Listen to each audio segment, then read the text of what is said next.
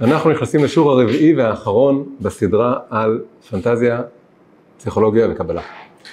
והנושא שלנו היום הוא דרקונים. אי אפשר לדבר על פנטזיה בלי להגיע לדרקונים, אז אנחנו רוצים לעמוד על סודו של דימוי הדרקון במיתולוגיה, בפנטזיה, בפסיכולוגיה, ולהבין לעומק מה הוא משקף בנפש ואיזה מין תיקונים ועבודה פנימית, כל הדימוי הזה, על שלל הווריאציות שלו, בעצם אה, מזמן אותנו לעשות. מה זה דרקון? דרקון זה נחש או לטאה מעופפת, גדולה.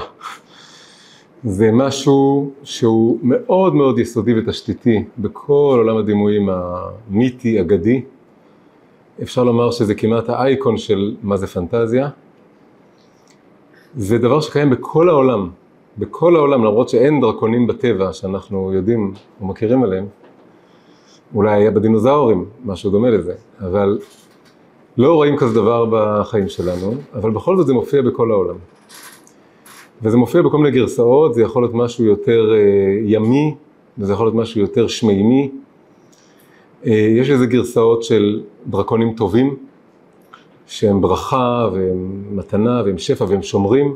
יש גרסה של דרקונים רעים, שהם רוצים לשרוף ולהרוס, וצריך להילחם בהם ולהרוג אותם. למרבה העניין, במזרח הנטייה היא לצייר את הדרקונים כדברים חיוביים. הדרקון הסיני המפורסם, שרוקדים איתו ורוכבים עליו, הוא משהו מאוד חיובי. במערב, על פי רוב, הפוך, הדרקון הוא דבר שלילי. ובאגדות, מהמיתולוגיה היוונית עד הג'ורג' שאצל הנוצרים מסופר שהוא אחד הקדושים של הנוצרים, שמנצח את הדרקון בשביל להציל איזה נסיכה, אז, אז שם הדרקון הוא שלילי וצריך להרוג אותו, לנצח אותו. ומה זה הדרקון? הדרקון הוא באיזשהו מקום ההתגלמות, התמצית של התת מודע שצף ועולה מהרובד הנסתר למעלה. כלומר, זה באמת השיא באיזשהו מקום של כל הסדרה הזאת.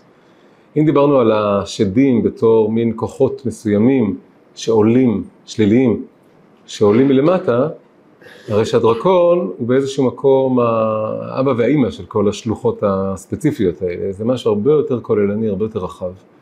הוא מתאר את, אם מסתכלים על הטבע, אז יהיה איתני הטבע, הדברים שאני לא שולט עליהם, ההוריקן, הצונאמי, רעידת אדמה, ואם זה בנפש, אז אה, עצם העוצמות של העומק עומק הנפש והתודעה שלי, שיכולה להתפרץ כלפי חוץ.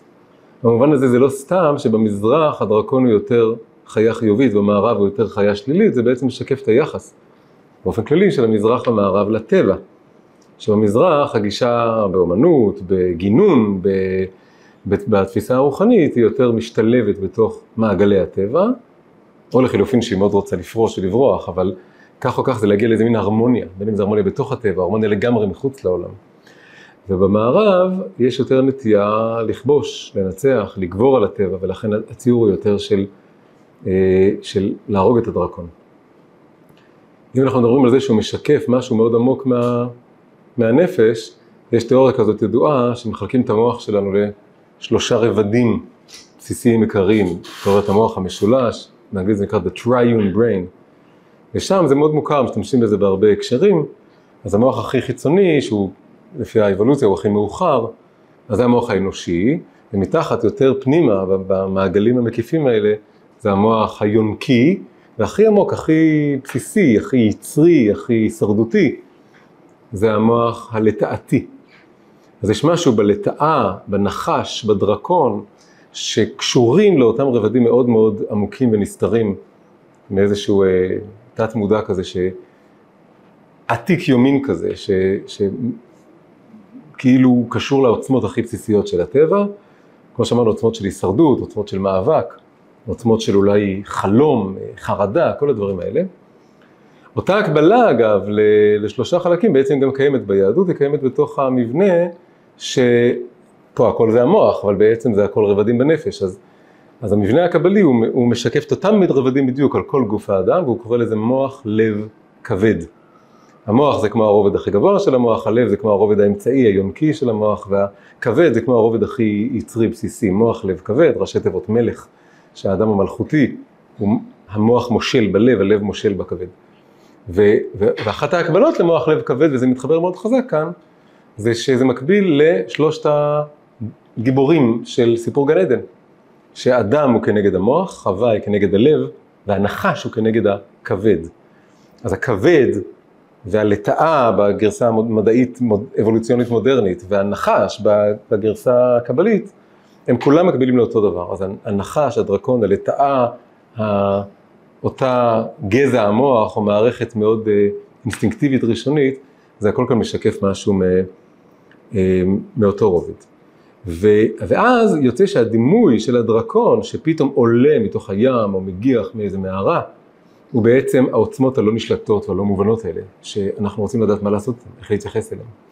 אז אמרנו, זה יכול להיות איתני הטבע, וזה יכול להיות משהו בתוכי, שהוא איזה דרקון שמתפרץ מתוכי. ואז השאלה היא, מה אני עושה איתו? אני הורג אותו, אני רוכב עליו, אני, אני, אני אה, מתמזג איתו, יש כל מיני גרסאות לדבר הזה. אז עד כאן לא צריך את היהדות בשביל לעשות את זה. הבאתי גם מושגים, אבל מה שאנחנו רוצים עכשיו בעצם לעשות עם זה, זה להתחיל עכשיו לפתוח את זה יותר לעומק עם מושגים יהודיים. וזה, וזה מוביל לשאלה הגדולה הבאה, וזו שאלה היא, האם יש דרקונים ביהדות? והתשובה היא כן, ועוד איך, כמה וכמה. אה, מה? התנינים הגדולים. אז הדבר הראשון זה התנינים הגדולים. מה זה התנינים הגדולים? תנין זה לא נשמע דרקוני במיוחד, זה לטאה גדולה, אבל לא בטוח בכלל שהכוונה היא לקרוקודילים. ביום החמישי של בריאת העולם, יחד עם בריאת כל העופות והדגים והחרקים והשרצים והרמסים, אז כתוב, ויברא אלוקים את התנינים הגדולים. וזה מאוד מאוד משונה מכמה סיבות, זה משונה בגלל שזה החיה היחידה הספציפית בכל מעשה בראשית, הנברא היחיד הספציפי, שמתואר חוץ מהאדם, מה, מהאדם. לא מדובר על שום צמח מסוים, שום חיה מסוימת. יש את השמש והירח, אבל זה בסדר, הם גדולים. אבל יחד עם כל הצמחים וכל החיות, היחידי שהוא ננקב בשמו ומקבל איזה מין אה, קובע ברכה לעצמו זה התנינים הגדולים. לא ברור מה זה, יש המון פירושים מה זה. והמילה הזאת תנינים קשור יש קשר בין תנינים ללוויתנים לפטן.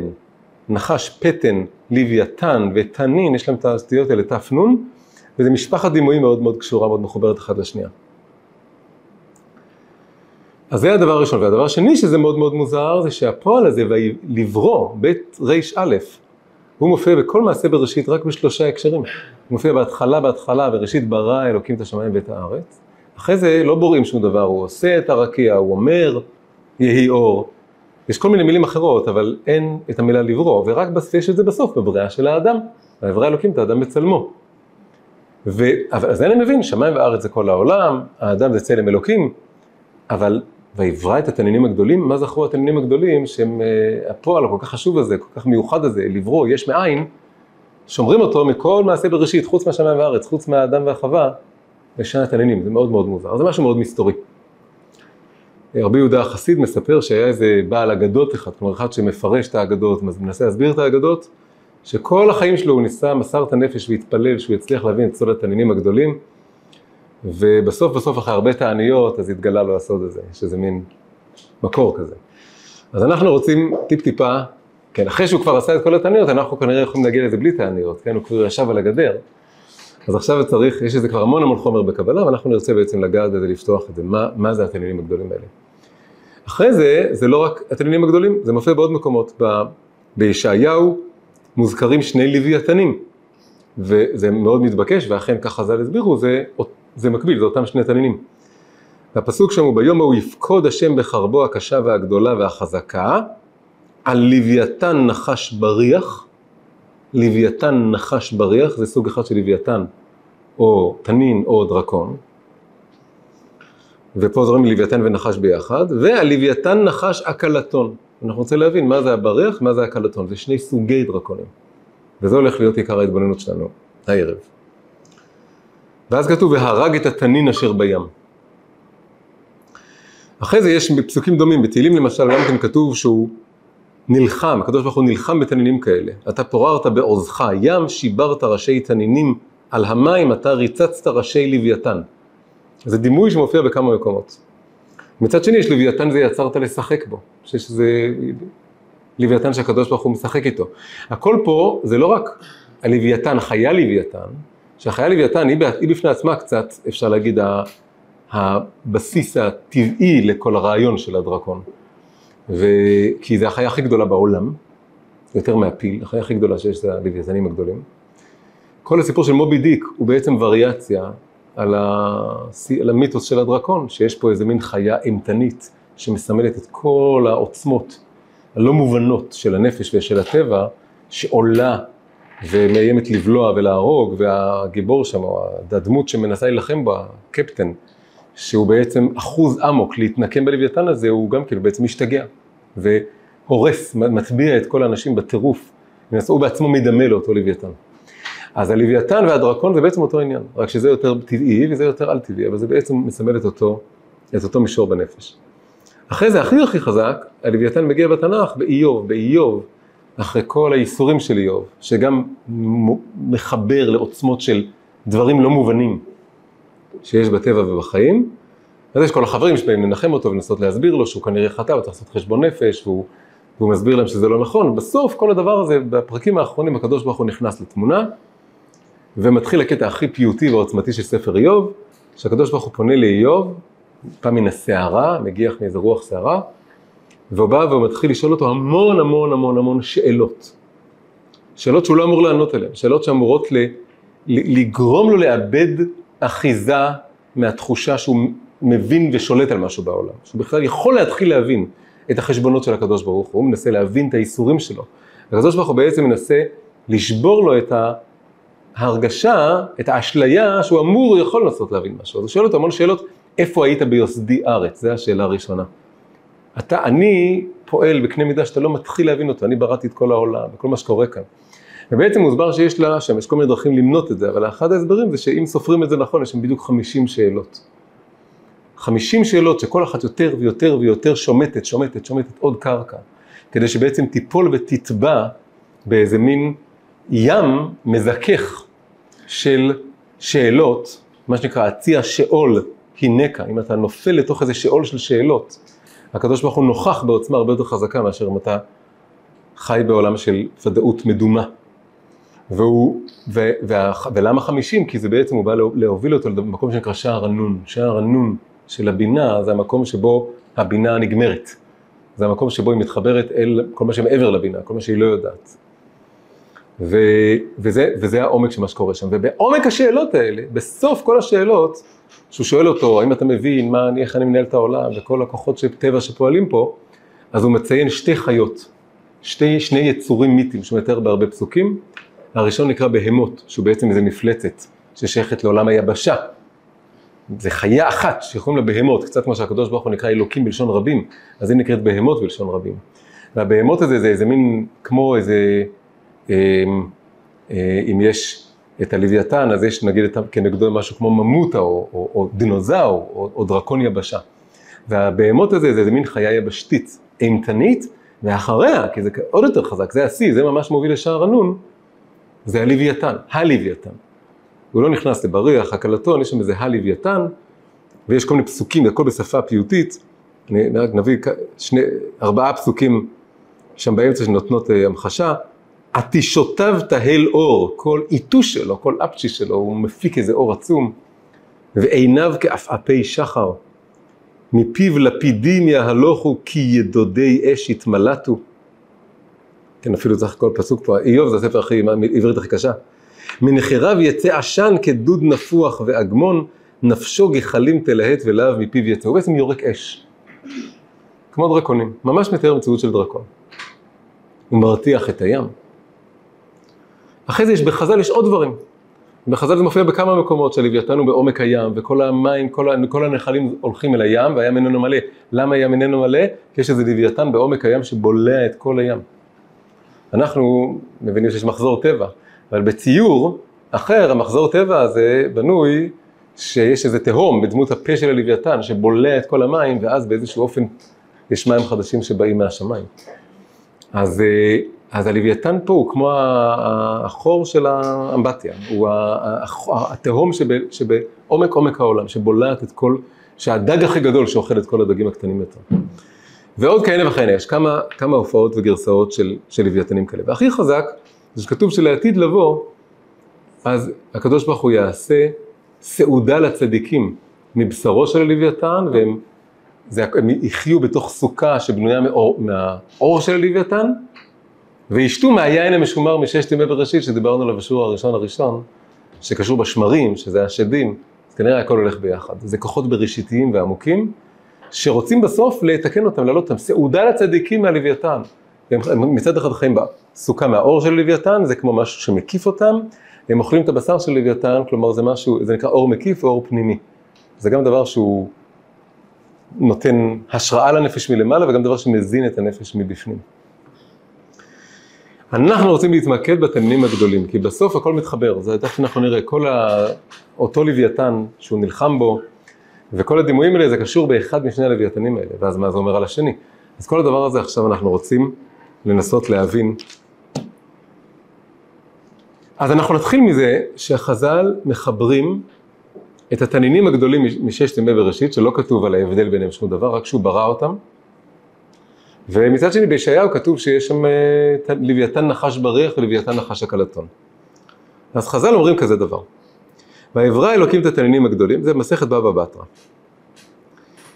עמוד אה, דף ע"ד. רבי יוחנן אמר, זה לוויתן נחש בריח ולוויתן נחש הקלטון, ומצטט את הפסוק משם. מה רש"י אומר על זה? אין רש"י האמת, רש"י לא פירש את המסכת הזאת, אבל יש את הנכד שלו רשב"ם שהשלים אותה. והרשב"ם אומר דבר נורא נורא מעניין. הוא אומר נחש בריח הוא לוויתן זכר וזקוף הוא כבריח. הלוויתן נחש בריח הוא הזכר, הם זוג, הם זכר ונקבה.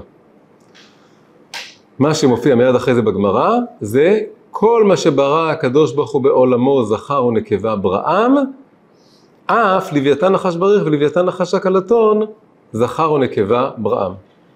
כל מה שקיים בטבע במציאות, כן, זה משתקף בהרבה מיתוסים וסמלים בעולם, כמו האין יאנג המפורסם, שאפשר לקבל פה הדגמה, וזה מסמל את איזו תחושה עמוקה בכל התרבויות שיש זכר ונקבה בטבע.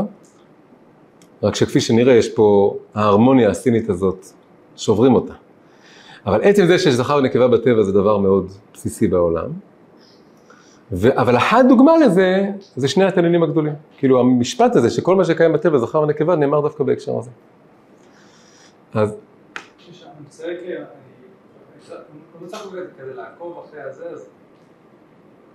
אם זה בסדר, אתה לי שנייה זום אאוט רוצה להגיד לו מה המסר או מה הרעיון, אז הנה, אנחנו ממש עכשיו מגיעים לזה, אוקיי, באמת, ממש עכשיו מגיעים לזה. עכשיו רק נתמקד, אנחנו התמקדנו ב...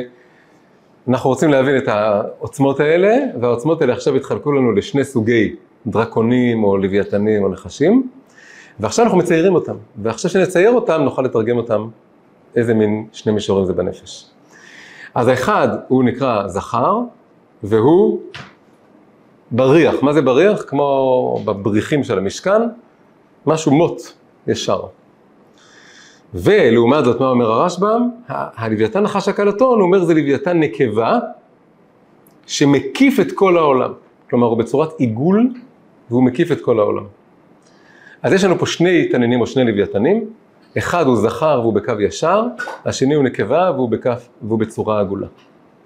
דרקון עגול ודרקון ישר. מה זה הדברים האלה? ותכף נראה מה הקדוש ברוך הוא עושה אותם, מה, מה הוא עושה איתם, אבל רק קודם כל נאפיין את זה. אז יש לנו פה שני דברים מעניינים, מה זה קו עיגול, מה זה זכר ונקבה. אז הציור של נחש עגול הוא בעצם סמל אוניברסלי מאוד מאוד מפורסם ומוכר. זה נקרא, ביוונית זה נקרא אורובורוס.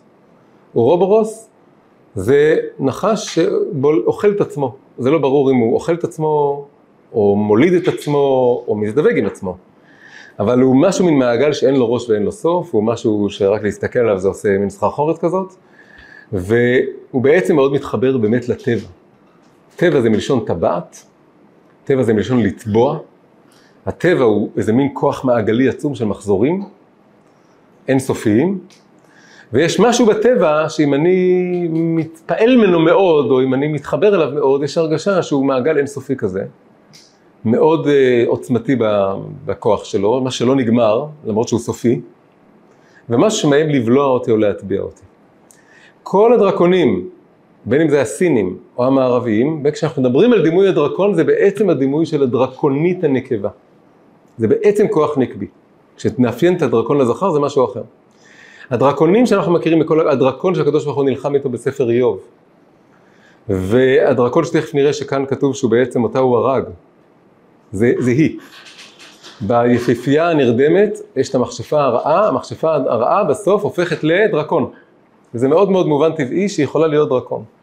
אז ברור שיש גם דרקונים ויש דרקוניות, ואולי דרקון זה בדרך כלל יותר מצטייר כזכר, אבל מה שאני רוצה להסביר כאן זה שזה בעצם נובע מה, מהדימוי הזה של המעגל הזה.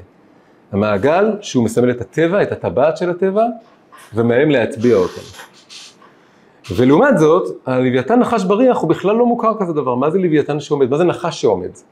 הדבר היחידי אולי הכי דומה לדבר הזה זה הציור הקלאסי של אותו יוגי כזה שמפנט נחש עם חליל, ואז הנחש פתאום עובר ממצב מעגלי כזה לאיזה מין מצב שהוא מתיישר. ואז, אבל זה משהו לא טבעי לו, זה כאילו רק אם אתה מאפנט אותו, אז הוא פתאום עומד ומתיישר, כי נחש הוא מתפתל והוא מתעכל. אז הלוויתן נחש בריח הוא משהו קצת אחר. מה זה העיגול והקו הזה כשמתרגמים את זה למושגים שיש בקבלה ויש בהסבר של הנפש? זה, יש, המושג בקבלה זה נקרא עיגולים ויושר. יש עיגולים, דפוסים של מעגלים בנפש, בעולם, ויש יושר, יושר זה הקווים, אם אתם זוכרים בשיעור על העולמות, דיברנו שכל עולם זה כמו עיגול, ויש קו שמוביל מעולם לעולם, מעיגול לעיגול יותר גדול. אז זה נקרא עיגולים ויושר, עיגולים, לכן יש הרבה עיגולים ויושר אחד שעובר בין כולם, לכן עיגולים בלשון רבים ויושר ב, ב, בלשון יחיד. למה זה מקביל בנפש? מסבירים שעיגולים זה מקביל לרובד שנקרא נפש, בנפש יש לה כמה קומות, נפש זה מילה כללית, אבל הקומות זה מתואר בראשי תיבות המפורסמים נרן חי, נרן חי זה נפש, רוח, נשמה, חיה, יחידה. לא צריך להבין את כולם, רק את שני, שני הרבדים התחתונים, נפש ורוח. נפש מתוארת כנעה במעגלים. כשהנפש נעה במעגלים, אז היא, אז היא כמו בעיגולים.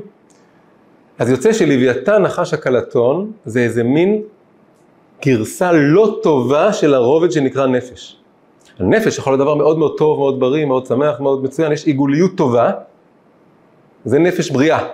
ויש עיגוליות לא טובה, זה נפש שנתפסה לאיזה קליפה. נתפסה לנחש הזה, לנחש הקלטון. אז נחש הקלטון, עכשיו אנחנו צריכים להבין, נחש הקלטון מתאר את הרובד הבסיסי ביותר בנפש, שנקרא פשוט נפש, והוא בנוי על עיגולים, ואם הוא בנוי טוב, אז זה עיגולים טובים. עיגול זה לא דבר רע, עיגול זה דבר מצוין. אבל הקליפה של העיגול הזה, העיגוליות, המעגליות, הלא טובה, זה נקרא לוויתן נחש הקלטון. הרובד ברוח הוא מתואר כקו, הוא רובד שמזדקף, הוא רובד שעולה למעלה, עולה מעל הנפש, מתגבר על הנפש, שואף למקומות גבוהים יותר, מחבר את הנפש לדבר יותר גבוה שנקרא כבר נשמה, ול, וכל מה שמעליה. עוד פעם, יכול להיות מאוד חיובי, יש קו טוב, יש קו תקין, יש תנועה קווית, לינארית, מאוד בריאה, מאוד חזקה, של תכליתיות, של ממשלה, של המון דברים. אבל יש גם גרסה לא טובה. הקוויות הלא טובה, הרוח, הקליפה של הרוח, כל הכוחות האלה, נפש, רוח, נשמה, חיה, חוץ מהיחידה, קיים גם בגרסה שלילית. אז הגרסה השלילית של הנפש זה הלוויתן נחש. הקלטון והגרסה השלילית של הרוח זה לוויתן נחש. בריח, אפילו הבריח רומז קצת לרוח.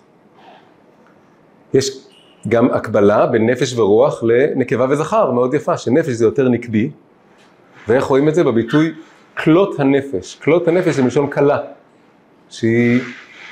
אולי תסגרי את הדלת של הרעשים האלה. זו תנועה שעולה, מכיוון שזה הרובד הכי בסיסי, אז הוא עולה למעלה בכלות הנפש, ולעומת זאת רוח קשור לביטוי נחת רוח, נחת אותיות חתן.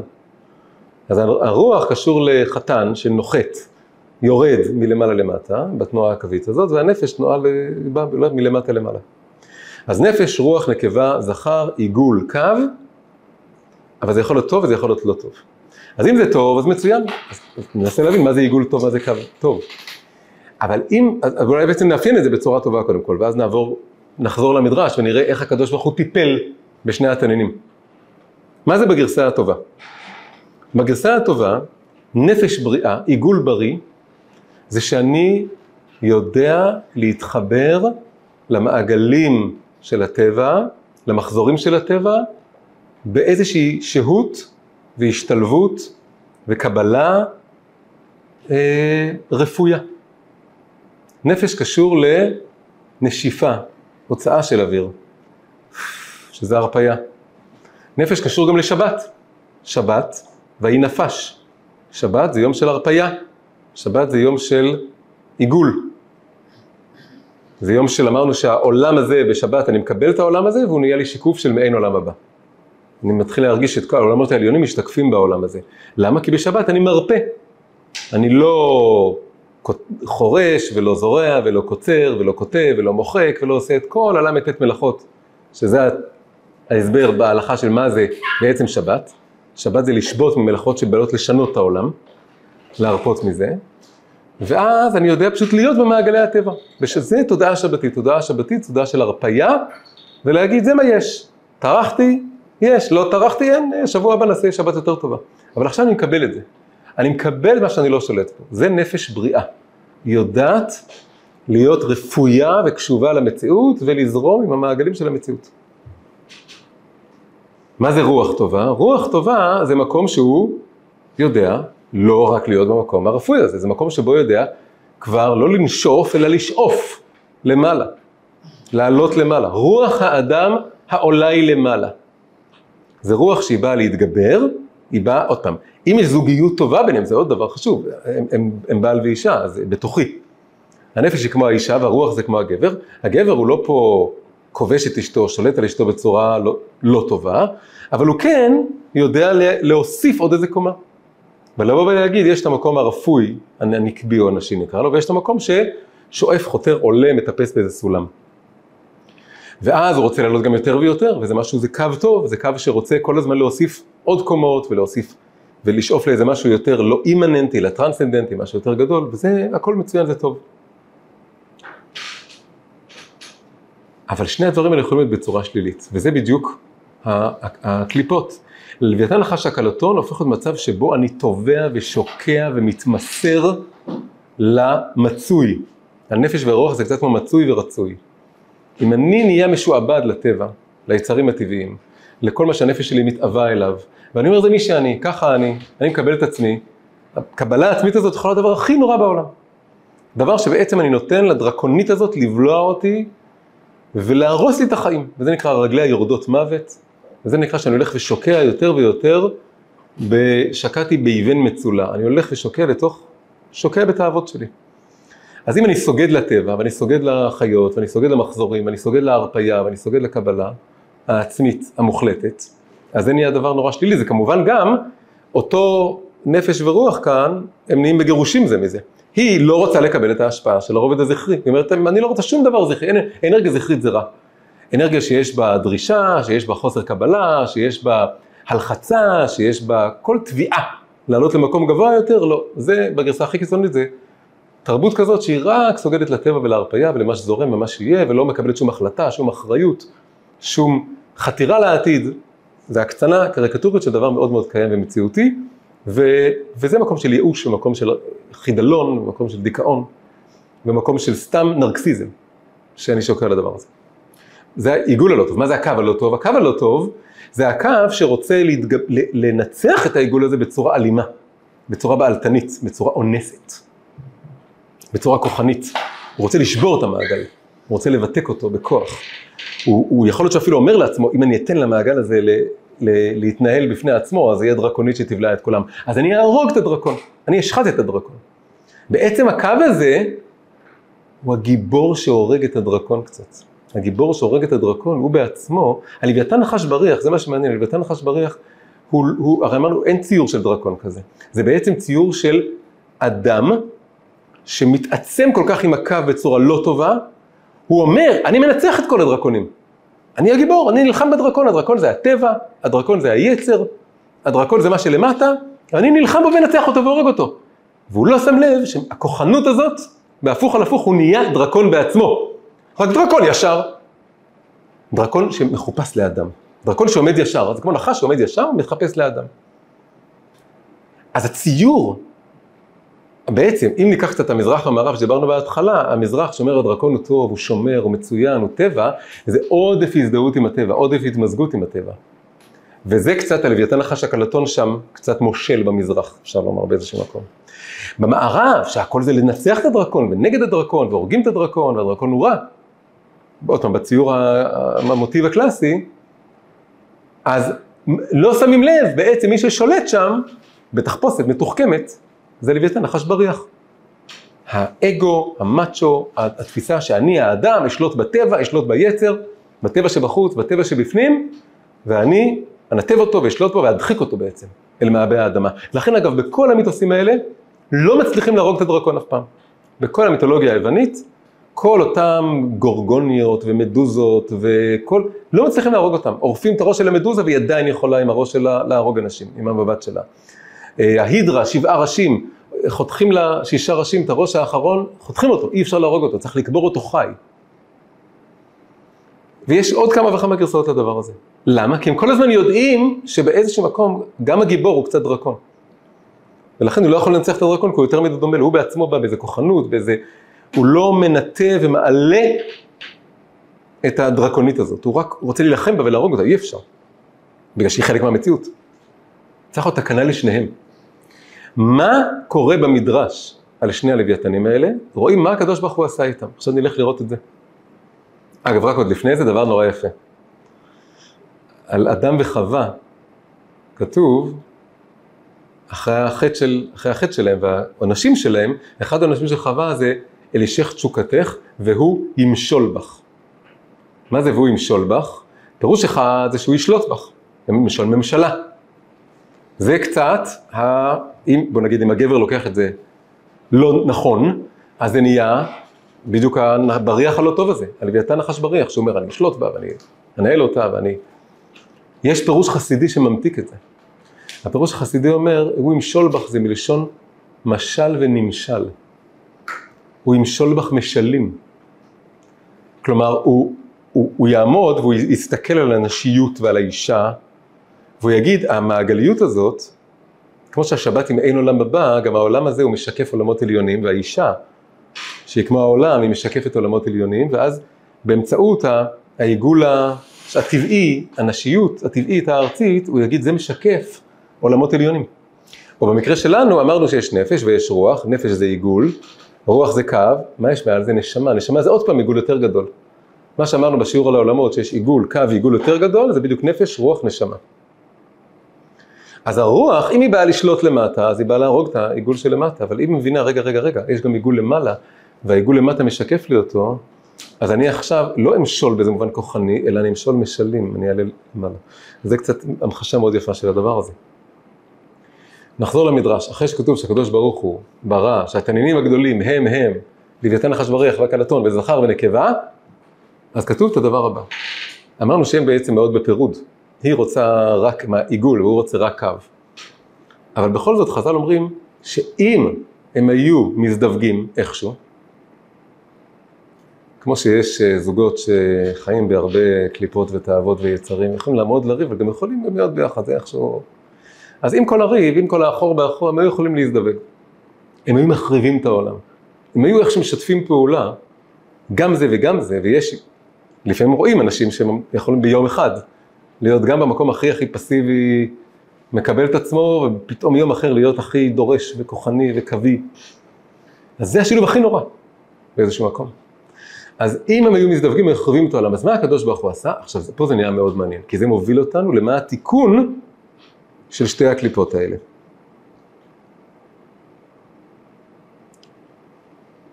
כתוב שהוא את הנקבה, את הלוויתן נחש הקלטון, הוא הרג, אבל המליח אותה, כלומר שם אותה בפריזר, במלח זה ה... כן, זה כאילו מוציא את הדם, המלח שואב את הדם ומאפשר לדבר הזה לשמור אותו. כמו הש... היין המשומר. ואז הוא הרג אותה והמליח אותה ושומר אותה לצדיקים לעתיד לבוא. אמרנו, הלוויתן הנקבה הוא הדרקון, זה מה שהוא בספר איוב, וזה מה שהוא הורג, שכתוב שהוא הרג, לכן חז"ל מדייקים, וכתוב אחרי שכתוב לבתן אחשוורוש, תקן נחש הקלטון, כתוב והרג את התנין אשר בים, הוא הרג רק אחד מהם. מי את הנקבה? אז הוא הורג את הדרקונית, אבל מצד שני שומר אותה לעתיד לבוא, שיהיה אפשר לעשות מהאור שלה את הסוכה של לוויתן, ומהבשר שלה את הסעודה לצדיקים. מה הוא עשה לזכר? את הזכר הוא סירס. למרות שכבר אין לו נקבה, אבל בכל זאת היה צריך לסרס אותו, כי יש לזה השפעה שלילית. זה נורא נורא מוזר, צריך נורא להבין מה בדיוק קורה פה. יש משהו מאוד מעניין. חז"ל או ב... חז"ל. כתוב שאת הנקבה הוא הרג, אבל המליח אותה לעתיד לבוא. את הזכר הוא מצד אחד לא הרג, הוא רק מסרס, כאילו פחות צריך להרוג אותו. ומצד שני, הוא גם לא, אין לו איזה תיקון או העלאה כזאת גדולה. יש משהו כאן שהכוח הנקבי, הדרקונית הנקבית הזאת, היא, יש בזה, קצוות. מצד אחד משהו שהוא אה, אה, מאוד מאוד למטה, כל כך שלילי, כל כך עוצמתי, שצריך ל, ל, להרוג אותו, לנצח אותו, לגמרי, בצורה הרבה יותר תקיפה, ומצד שני העוצמות שגנוזות בו הם כאלה שצריך לשמור אותם בסוף, שכל הסעודה לצדיקים לעתיד לבוא. כלומר, כל מקור ההשראה והשפע הכי משיחיים, הכי גאולתיים, הם גם שם. זה, זה בקצוות. זוכרים שאמרנו עיגול, קו עיגול, אז העיגול פה הוא בקצוות. נעוץ סופן בתחילתן, תחילתן בסופן. יש משהו בעוצמות שמתוארות כאן, שקשורות בנשיות, שהוא הכי הכי מבהיל, ודורש איזה מין הכנעה נורא גדולה מצד אחד, ומצד שני, אם אני מצליח להעלות אותו, אז וואו, זה הגאולה, זה המשיח, זה, זה המצב הכי הכי מתוקן ועתידי והשראתי של דבקות וחיבור אלוקי הכי גבוה. והזכר הוא משהו באמצע, כלומר מצד אחד הוא גם מסוכן וגם צריך לסרס אותו, לסרס אותו זה כאילו לעדן אותו, להחליש לו את הכוחנות, אבל לא להרוג אותו. ומצד שני הוא גם לא יכול להגיע כזה גבוה. מה זה אומר על הנפש, אז אם ההקלטון, עכשיו בואו נחזור, אז אם ההקלטון והבריח זה הנפש, הקליפה של הנפש והקליפה של הרוח, מה לומדים משני הדברים האלה על התיקון של הנפש, המעגליות הלא טובה שבנפש והקוויות הלא טובה שברוח. אז מה שלומדים מזה זה, זה בעצם הדבר הזה, לומדים שאת ה... המקום הזה שאומר תשקע בתאוות ותשקע ביצרים ותקבל את עצמך לגמרי ותהיה פסיבי ותיתן בעצם לאימא הטבע לבלוע אותך, אצל היונגיאנים קוראים לזה האימא הטורפת או האימא הבולעת, האימא האדיפלית, שרוצה לבלוע את הילד, לא רוצה שהוא ייוולד בכלל, לא רוצה שהוא יהיה גבר, לא רוצה שהוא יהיה בן אדם, לא רוצה שהוא יהיה בוגר. הכל נורא אינפנטילי, נורא נרקסיסטי. את, את הכוח הזה בנפש צריך להכניע בצורה מאוד מאוד מוחלטת.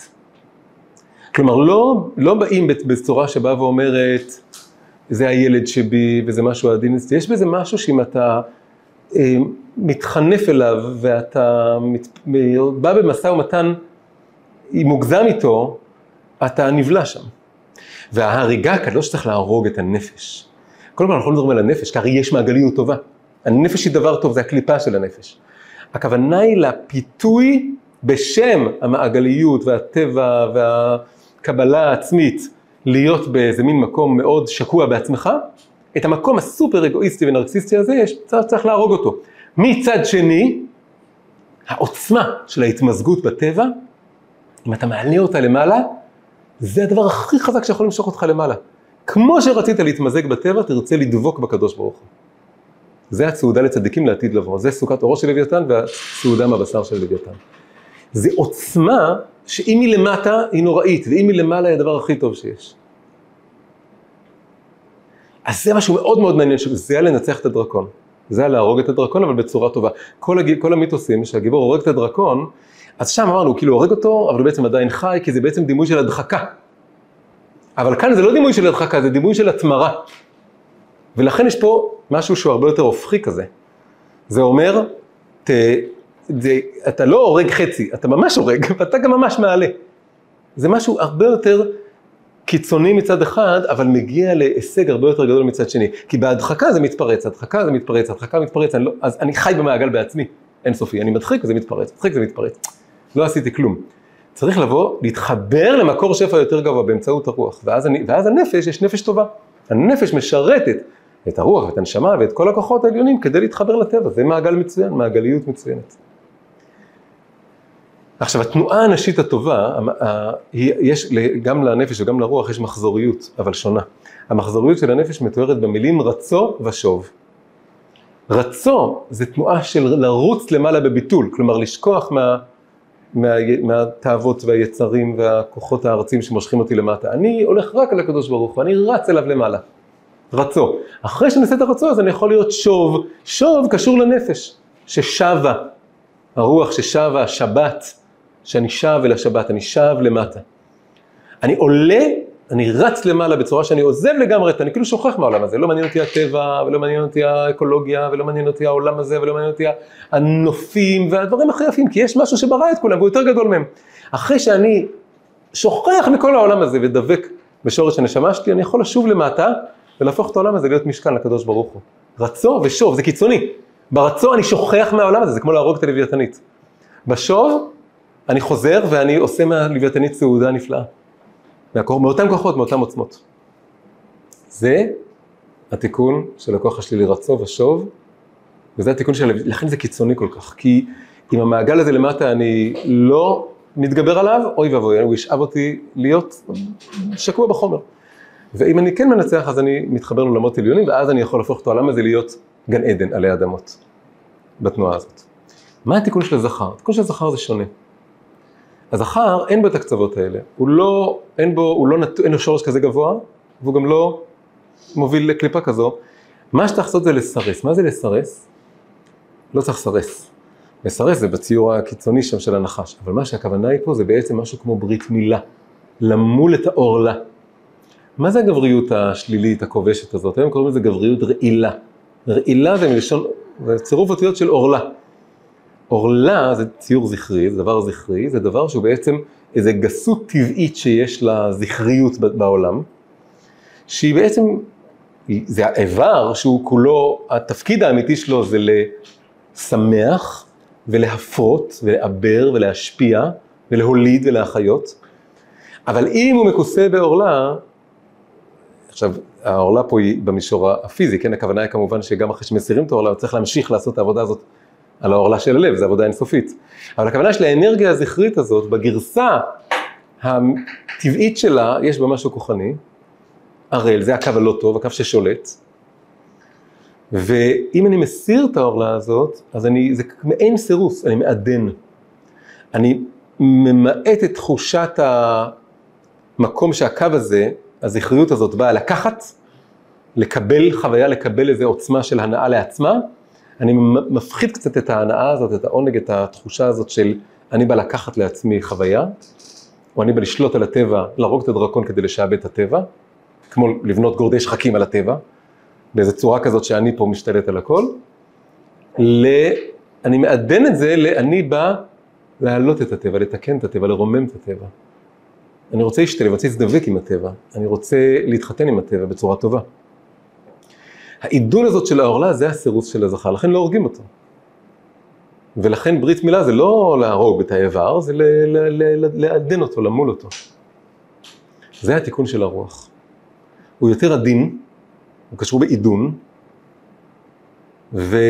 ואין בו את הקצוות האלה, ואז, ואז אני מגיע לקו הטוב. הרוח, שבאמת רוח האדם הוא עליי למעלה. באותו פסוק כתוב גם רוח הבהמה יורדת היא למטה. הרוח ש... ששוקעת בה, זה, זה דבר לא טוב. אז. היא יורדת למטה כדי לשלוט. אבל אם היא עולה למעלה, אז היא מתחברת למקום טוב ומעודן, ואז היא יורדת למטה כדי להשתלב. ואז יש עיגול וקו שמשתלבים ביחד, כמובן זה יוצר ביחד ספירלה כזאת של איזו התקדמות שמצד אחד יש בה קו, כי היא כל הזמן עולה, ומצד שני, היא לא שוכחת את התנועה המעגלית שלה. עכשיו תראו דבר נורא יפה, בגן עדן אמרנו שהיה אדם וחווה והנחש. ובזוהר כתוב דבר מדהים, זה אחד המקורות הכי חזקים לזה שהמשיח זה בעצם יהיה גם גבר וגם אישה ביחד.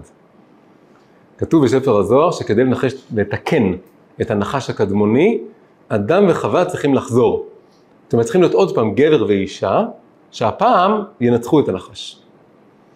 זה בדיוק זה.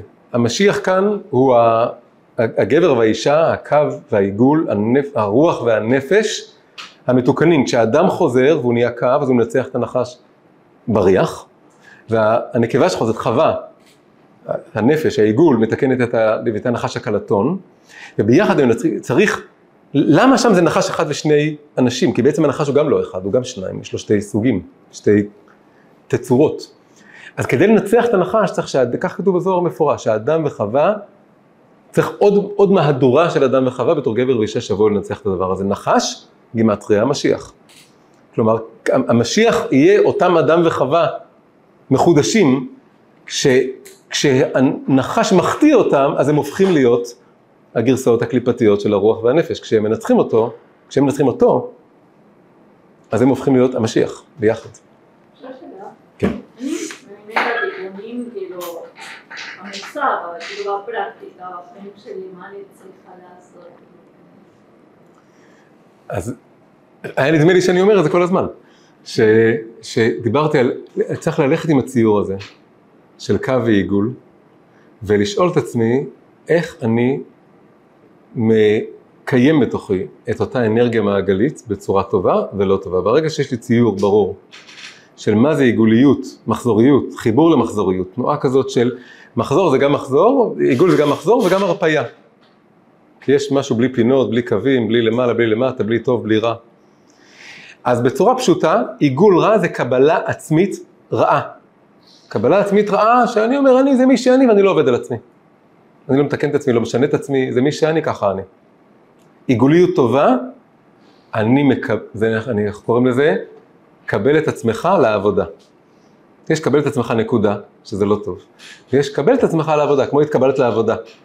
קבל את עצמך לעבודה. כלומר, קבל את עצמך בלי רגשות אשם, ובלי שנאה עצמית, ובלי הלקאה עצמית, ובלי רגשות אשם, אבל לא כמשהו שעכשיו ככה הוא מושלם, אלא כחומר גלם לעבודה. ניצחת את הדרקונית. ולעשות את העבודה בצורה שהיא יורדת על עצמך, מכת עצמך, מצליפה בעצמך, בשוט, זה קו לא טוב. אבל לקחת את הנפש ולהגיד לה בואי תעלי, בואי נעלה ביחד. בואי, בואי ביחד נעשה עבודה של להתחבר לאני הגבוה שלי, זה קו טוב. יש תנועה קווית רעה ויש תנועה קווית טובה, ויש תנועה עיגולית רעה ויש תנועה עיגולית אה, טובה. וזה התיקון של הצד הזכרי והנקבי שבכל אחד מאיתנו, שכל אחד צריך לתקן את שניהם. אז אה, זה עוזר לי לרדת מכל הזה. שזה משהו הוא- לא קשור לעולם הדרקונים, אתה מחבר את הדרקונים לזה? הדרקונים, כאילו, תראו, מי שלא מדבר עליו השפה הדרקונית, אז השיעור הזה כאילו פחות אה, קשור אליו, אבל אם במידה שאתם רוצים להיות פה ב... אני מנסה לקחת את כל הדימויים האלה המיתולוגיים ולמנף אותם לאיזה מקום, כן? ואני רוצה להגיד שכל הדימויים האלה, הם משקפים משהו בנפש, שאנחנו צריכים עכשיו להבין, מה להבין אותו, אז אני לקחתי דרקון במזרח, דרקון במערב. כן, וניסיתי להראות. העיגול והקו זה משהו שקיים גם בלי קשר. נכון, נכון, זה, גיר, זה וריאציה שלו, וריאציה, צי, ציור מסוים שלו, אבל שלומדים ממנו המון דברים, כי על זה כתוב שאותה הוא צירף, שאותה- שאותו הוא צירף, שאותה הוא הרג והמליך וכל הדברים האלה. השאלה שלי, אתה חושב כאילו שמי שיצא לכל המיתולוגיות האלה, האם זה באמת כי זה ישר על המקום הזה בנפש, או סתם במקרה לקחת כאילו עכשיו תיאוריה וחיברת את זה כי. לא, אז אני, אז אני חושב שקודם כל, ברור שכל הציורים המיתולוגיים האלה משקפים רבדים בנפש, כי אחרת זה לא היה פועל. אם כל דבר, כל סרט, כל ספר שפועל עליי, זה בגלל שהוא, פה, אני קורא לדמות בספר שהיא לא אני והיא חיה בעולם אחר. אבל למה זה מדבר אליי? למה אני נהנה מזה? כי היא בכל זאת משקפת משהו. אז ברור שזה נובע מ... אז אני, פעם, אני הולך עם פרויד ויונג, שהמיתולוגיות זה החלומות הקולקטיביים של האנושות, ולכן אני חושב שהם מאוד. עכשיו, רק מה, אני, חושב- באמת, זה ברור לי, שכל אותן מפלצות תהומיות, נחשיות, משקפות כמו התת מודע, אם זה באדם, ואיתני הטבע, אם זה בחוץ, והגיבור שנלחם בהם והורג אותם, הוא מתאר את הרוח, או הרובד המודע, או השכל, צלם האדם. האדם, חיות הן הולכות וזוחלות ועפות בצורה אופקית עם הטבע המעגלי, אבל האדם הוא זקוף.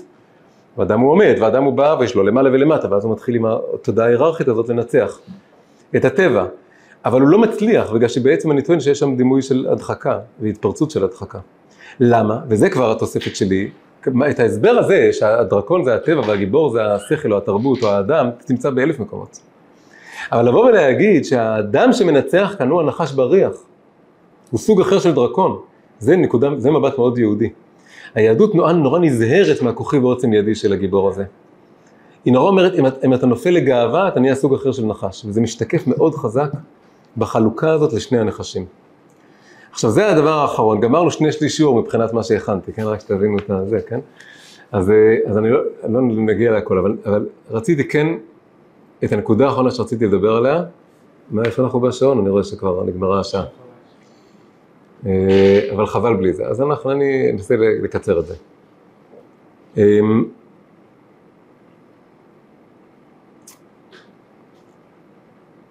יש, רציתי להתמקד בנחש בריח, ולדבר שהתיקון של הרובד שקראנו לו הרוח והזכר, הוא קשור מאוד להבדל בין דימוי הגבריות שרואים בעיקר בתרבות המערב, לבין דימוי הגבריות ביהדות. ו... והרעיון הוא כזה, מה שבעצם התחלתי להגיד את זה, אז רק לסגור, אני, ככה נוסיף טיפה ונסגור את הנקודה הזאת. הגיבור שהורג את הדרקון, שהוא המוטיב העיקרי במערב, הוא הרוח שהורגת את הנפש. מה שיוצר מהדבר הזה זה שני סוגים של עיוותים בהבנה גם של הטבע וגם של הנפש. העיוות הראשון, שזה גורם לנפש להיראות בהכרח רעה. כלומר, למעגל להיראות בהכרח רע. אם אני רואה גיבור שהורג דרקון, המסר שמחלחל בתרבות הוא שאת הטבע צריך לכבוש, ואת התת מודע או את הנפש גם צריך לכבוש. והוא מצייר את זה כדבר לא טוב, שזה כאילו לשקוע ב, ב, ב, בעבר ובטבע. וגם זה מצייר ציור שהקו הוא בהכרח טוב, אבל אנחנו יודעים שזה לא נכון. יש קו רע ויש עיגול טוב. ולהכיל את זה שיש קו רע ויש עיגול טוב דורש להבין שלעיגוליות הזאת יש תקנה, כמו שאמרנו שמעלים את כל הנקביות הזאת למשהו מאוד גבוה שנותן השראה מלמעלה. ויש קו רע, הכוונה היא שיש מין גבריות ששולטת וכובשת, מתגברת על הטבע, אבל בכל כך הרבה כוחנות, וכוחי ועוצם ידי, שהיא נהיית גם דבר שלילי. ורואים את זה בכל מיני צורות, שהציור של ה... ביהדות רואים, יש, יש, יש גיבורים, אבל יש כל הזמן איזה מה שמחליש אותם. שמשון הגיבור, הוא גיבור, והוא מין גיבור על, והוא כוחני, אבל כל הכוח שלו זה מהקדוש ברוך הוא. והוא בעצם בסוף ממקום של החולשה הכי גדולה, הוא מתפלל אל השם, מזה הוא מקבל את כל הכוחות שלו. הוא נזיר להשם. הוא לא משהו שזה בא מהכוח שלו, הוא נורא חי בתודעה של אסירות תודה עמוקה למה שמעליו, הוא מחליש את עצמו, הוא קצת מהול לו, או הוא קצת כבר הנחש בריח המסורס או המעודן הזה, במובן הזה. הוא לפחות גרסה יחסית תוהית שלו, כי יש לו גם דברים לא מתוקנים בשמשון, אבל הוא התחלה של זה. השלב הבא, בגלגולים כתוב שזה גלגול של שמשון, זה דוד המלך. דוד המלך הוא גם, עוד לא מושלם, עוד לא, יש לו יצרים ותאוות, אבל הוא, הוא שילוב מדהים של מצד אחד לוחם, הלוחם הכי גדול, והגיבור הכי גדול, ומצד שני הוא כולו בבכי ובדמעות ובתפילות. אה, מרגיש שהוא קטן וחלש, ומרגיש שכל נשימה ונשימה הקדוש ברוך הוא מנשים אותו מפה לפה, והוא יכול בכל רגע לאבד את זה. הוא לא, אין לו בכלל חיים משל עצמו, אין לו שום כוח משל עצמו. לית למיגר מכלום, זה מגלם את ספירת המלכות, הוא גיבור, אבל משהו מאוד נשי בו גם. ויש עוד ציור מאוד מפורסם, שיש סיפור בגמרא על ריש לקיש, שהיה יהודי, אבל היה חי עם הרומאים והיה גלדיאטור כזה. ואז יום אחד הוא הלך בנהר הירדן והוא ראה את אה, רבי יוחנן מתרחץ בירדן, ומרחוק רבי יוחנן לא היה לו זקן, לא גדל לו זקן, הוא נראה כמו אישה. אז הוא רצה לעשות עליה רושם, אז הוא הוריד את כל הבגדים ועשה איזו קפיצה מדהימה כזאת, וקפץ תוך הנהר, ואז התאכזב לגלות שהוא, שהוא גבר. ואז הוא, הוא אמר לו, אה, שוף רך לנשי, היופי שלך הוא צריך להיות אצל נשים, הוא מבוזבז עליך. אז הוא אומר לו, פה, אז הוא, הוא עונה לו, חי לך לאורייתא, הכוח שלך גם מבוזבז, הכוח שלך צריך להיות אה, בתורה, לא בגלדיאטורים. ואז הוא אומר לו, בוא תבוא איתי, תחזור בתשובה, תלמד תורה, ואני אתן לך להתחתן עם אחותי, שהיא עוד יותר יפה ממני. יש לה את אותו יופי, אבל אפילו עוד יותר יפה, והיא, והיא גם אישה. והוא בתור רגע מקבל על עצמו ל, ל, לחזור בתשובה וללמוד תורה, ואז הוא בא לקפוץ חזרה, אין לו כוח לקפוץ חזרה. ומצד אחד הוא נהיה, זה נגמר במילים גברא רבא. הוא הופך אותו לגבר, אבל גבר יהודי. גבר יהודי, כל השתי גדות כאן זה הגבריות הרומאית והגבריות היהודית. הגבריות היהודית מרחוק בכלל נראית נשית. רבי יוחנן נראה אישה מרחוק. רק כשהוא מתקרב, הוא רואה שהוא בעצם גבר.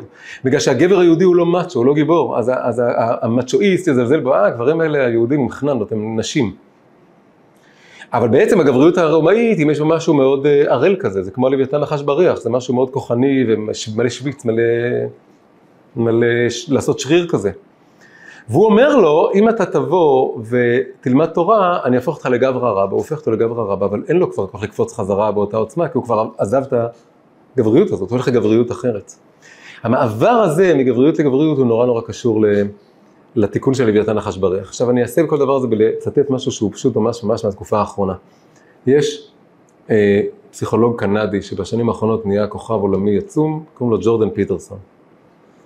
והמון, יש מלא וידאוים שלו, ומיליונים מיליונים כבר של עוקבים, ועושה המון המון, אה, והוא המון מדבר על גבריות ונשיות ודרקונים, והוא יונגיאני כזה.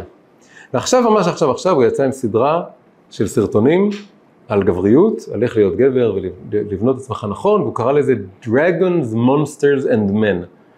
דרקונים, מפלצות וגברים או, או, או אנשים בכלל, אבל הכוונה היא בעיקר גב- גברים. ו, והמשפט הכי חזק שהוא אומר שם, כאילו, מה שהוא בעצם מדבר שם זה שאתה צריך לנצח את הדרקון, אתה צריך להיות לוחם. אל תהיה, אל תהיה עלוב כזה שמקבל את עצמו ומשחק משחקי מחשב כל היום ומעשן ושקוע בעצמו, אלא הוא נורא מרגיש שהגברים של היום נהיו צריכים המון הרמה כזאת, כן? והוא בצורה אוהבת כזאת של אח גדול, כשזה יוצא לו טוב, אז זה יוצא ככה, אז הוא מרים אותה, והוא אומר בוא תתגבר, תבנה סדר יום, תבנה את עצמך. תיקח דרקון ותילחם בו, וככה תקבל את הזהב, תקבל את הנסיכה, תקבל, תבנה את החיים שלך כמו שצריך. אבל אז, למה יש מונסטרס שם באמצע? כי אז אומר משפט שכל זה בסדר. אבל אז אומר משפט שאמרתי לעצמי, זה, אני צריך להתבונן בזה. כי מצד אחד אני יכול להבין מאיפה הוא בא, מצד שני זה נורא גס. הוא אמר, מה זה גבר טוב? גבר טוב הוא מפלצת, ואז הוא שולט במפלצת של עצמו. הוא אומר, אם אתה לא, מנ... לא תהיה מפלצת קודם, ואז תשלוט בה, אז אתה לא תהיה גבר, כאילו אתה תהיה משהו כזה באמצע, אתה כבר מההתחלה תתפשר. אתה צריך להיות מפלצת, לחבר, אומר, להיות מפל... משהו מבהיל, מפחיד, טורף, אבל אז נורא נורא לשלוט בה. עכשיו זה פה צרם לי. ו... ו... והציור, אני חושב של הלוויתן, של, ה... של הברית מילה, של העידון, הוא משהו אחר. האם באמת צריך להיות מפלצת כדי להיות גבר? למה אני יכול מצד אחד להבין את זה? כאילו בא ולהגיד, יש כוחות גבריים שצריך לתת להם איזשהו מקום, ואז צריך אה, אבל לשלוט בהם. אבל אם אתה מצייר את זה כמפלצת ששולטת, אתה נשאר בציור של מה שקראנו ההדחקה וההתפרצות, שאתה מנצח את הדרקון, את הדרקונית הזאת, ואז היא מתפרצת עוד פעם. אתה... זה, להשאיר את זה בשליטה, זה גם אומר שבכל רגע זה יכול להתפרץ. ובאמת, אגב, יש משהו אצלו, בשפה שלו, בשפת גוף שלו, בדיבור אצלו, היא אגרסיבי. מאוד אגרסיבי. הוא כועס, הוא זועם, הוא מלא איזה נביא זעם כזה קצת. האגרסיביות הזאת היא לא, היא לא מבריאה את העולם. יש המון דברים שהוא אומר מאוד מבריאים את העולם, מאוד יפים, מאוד חזקים, מאוד נצרכים לשמוע.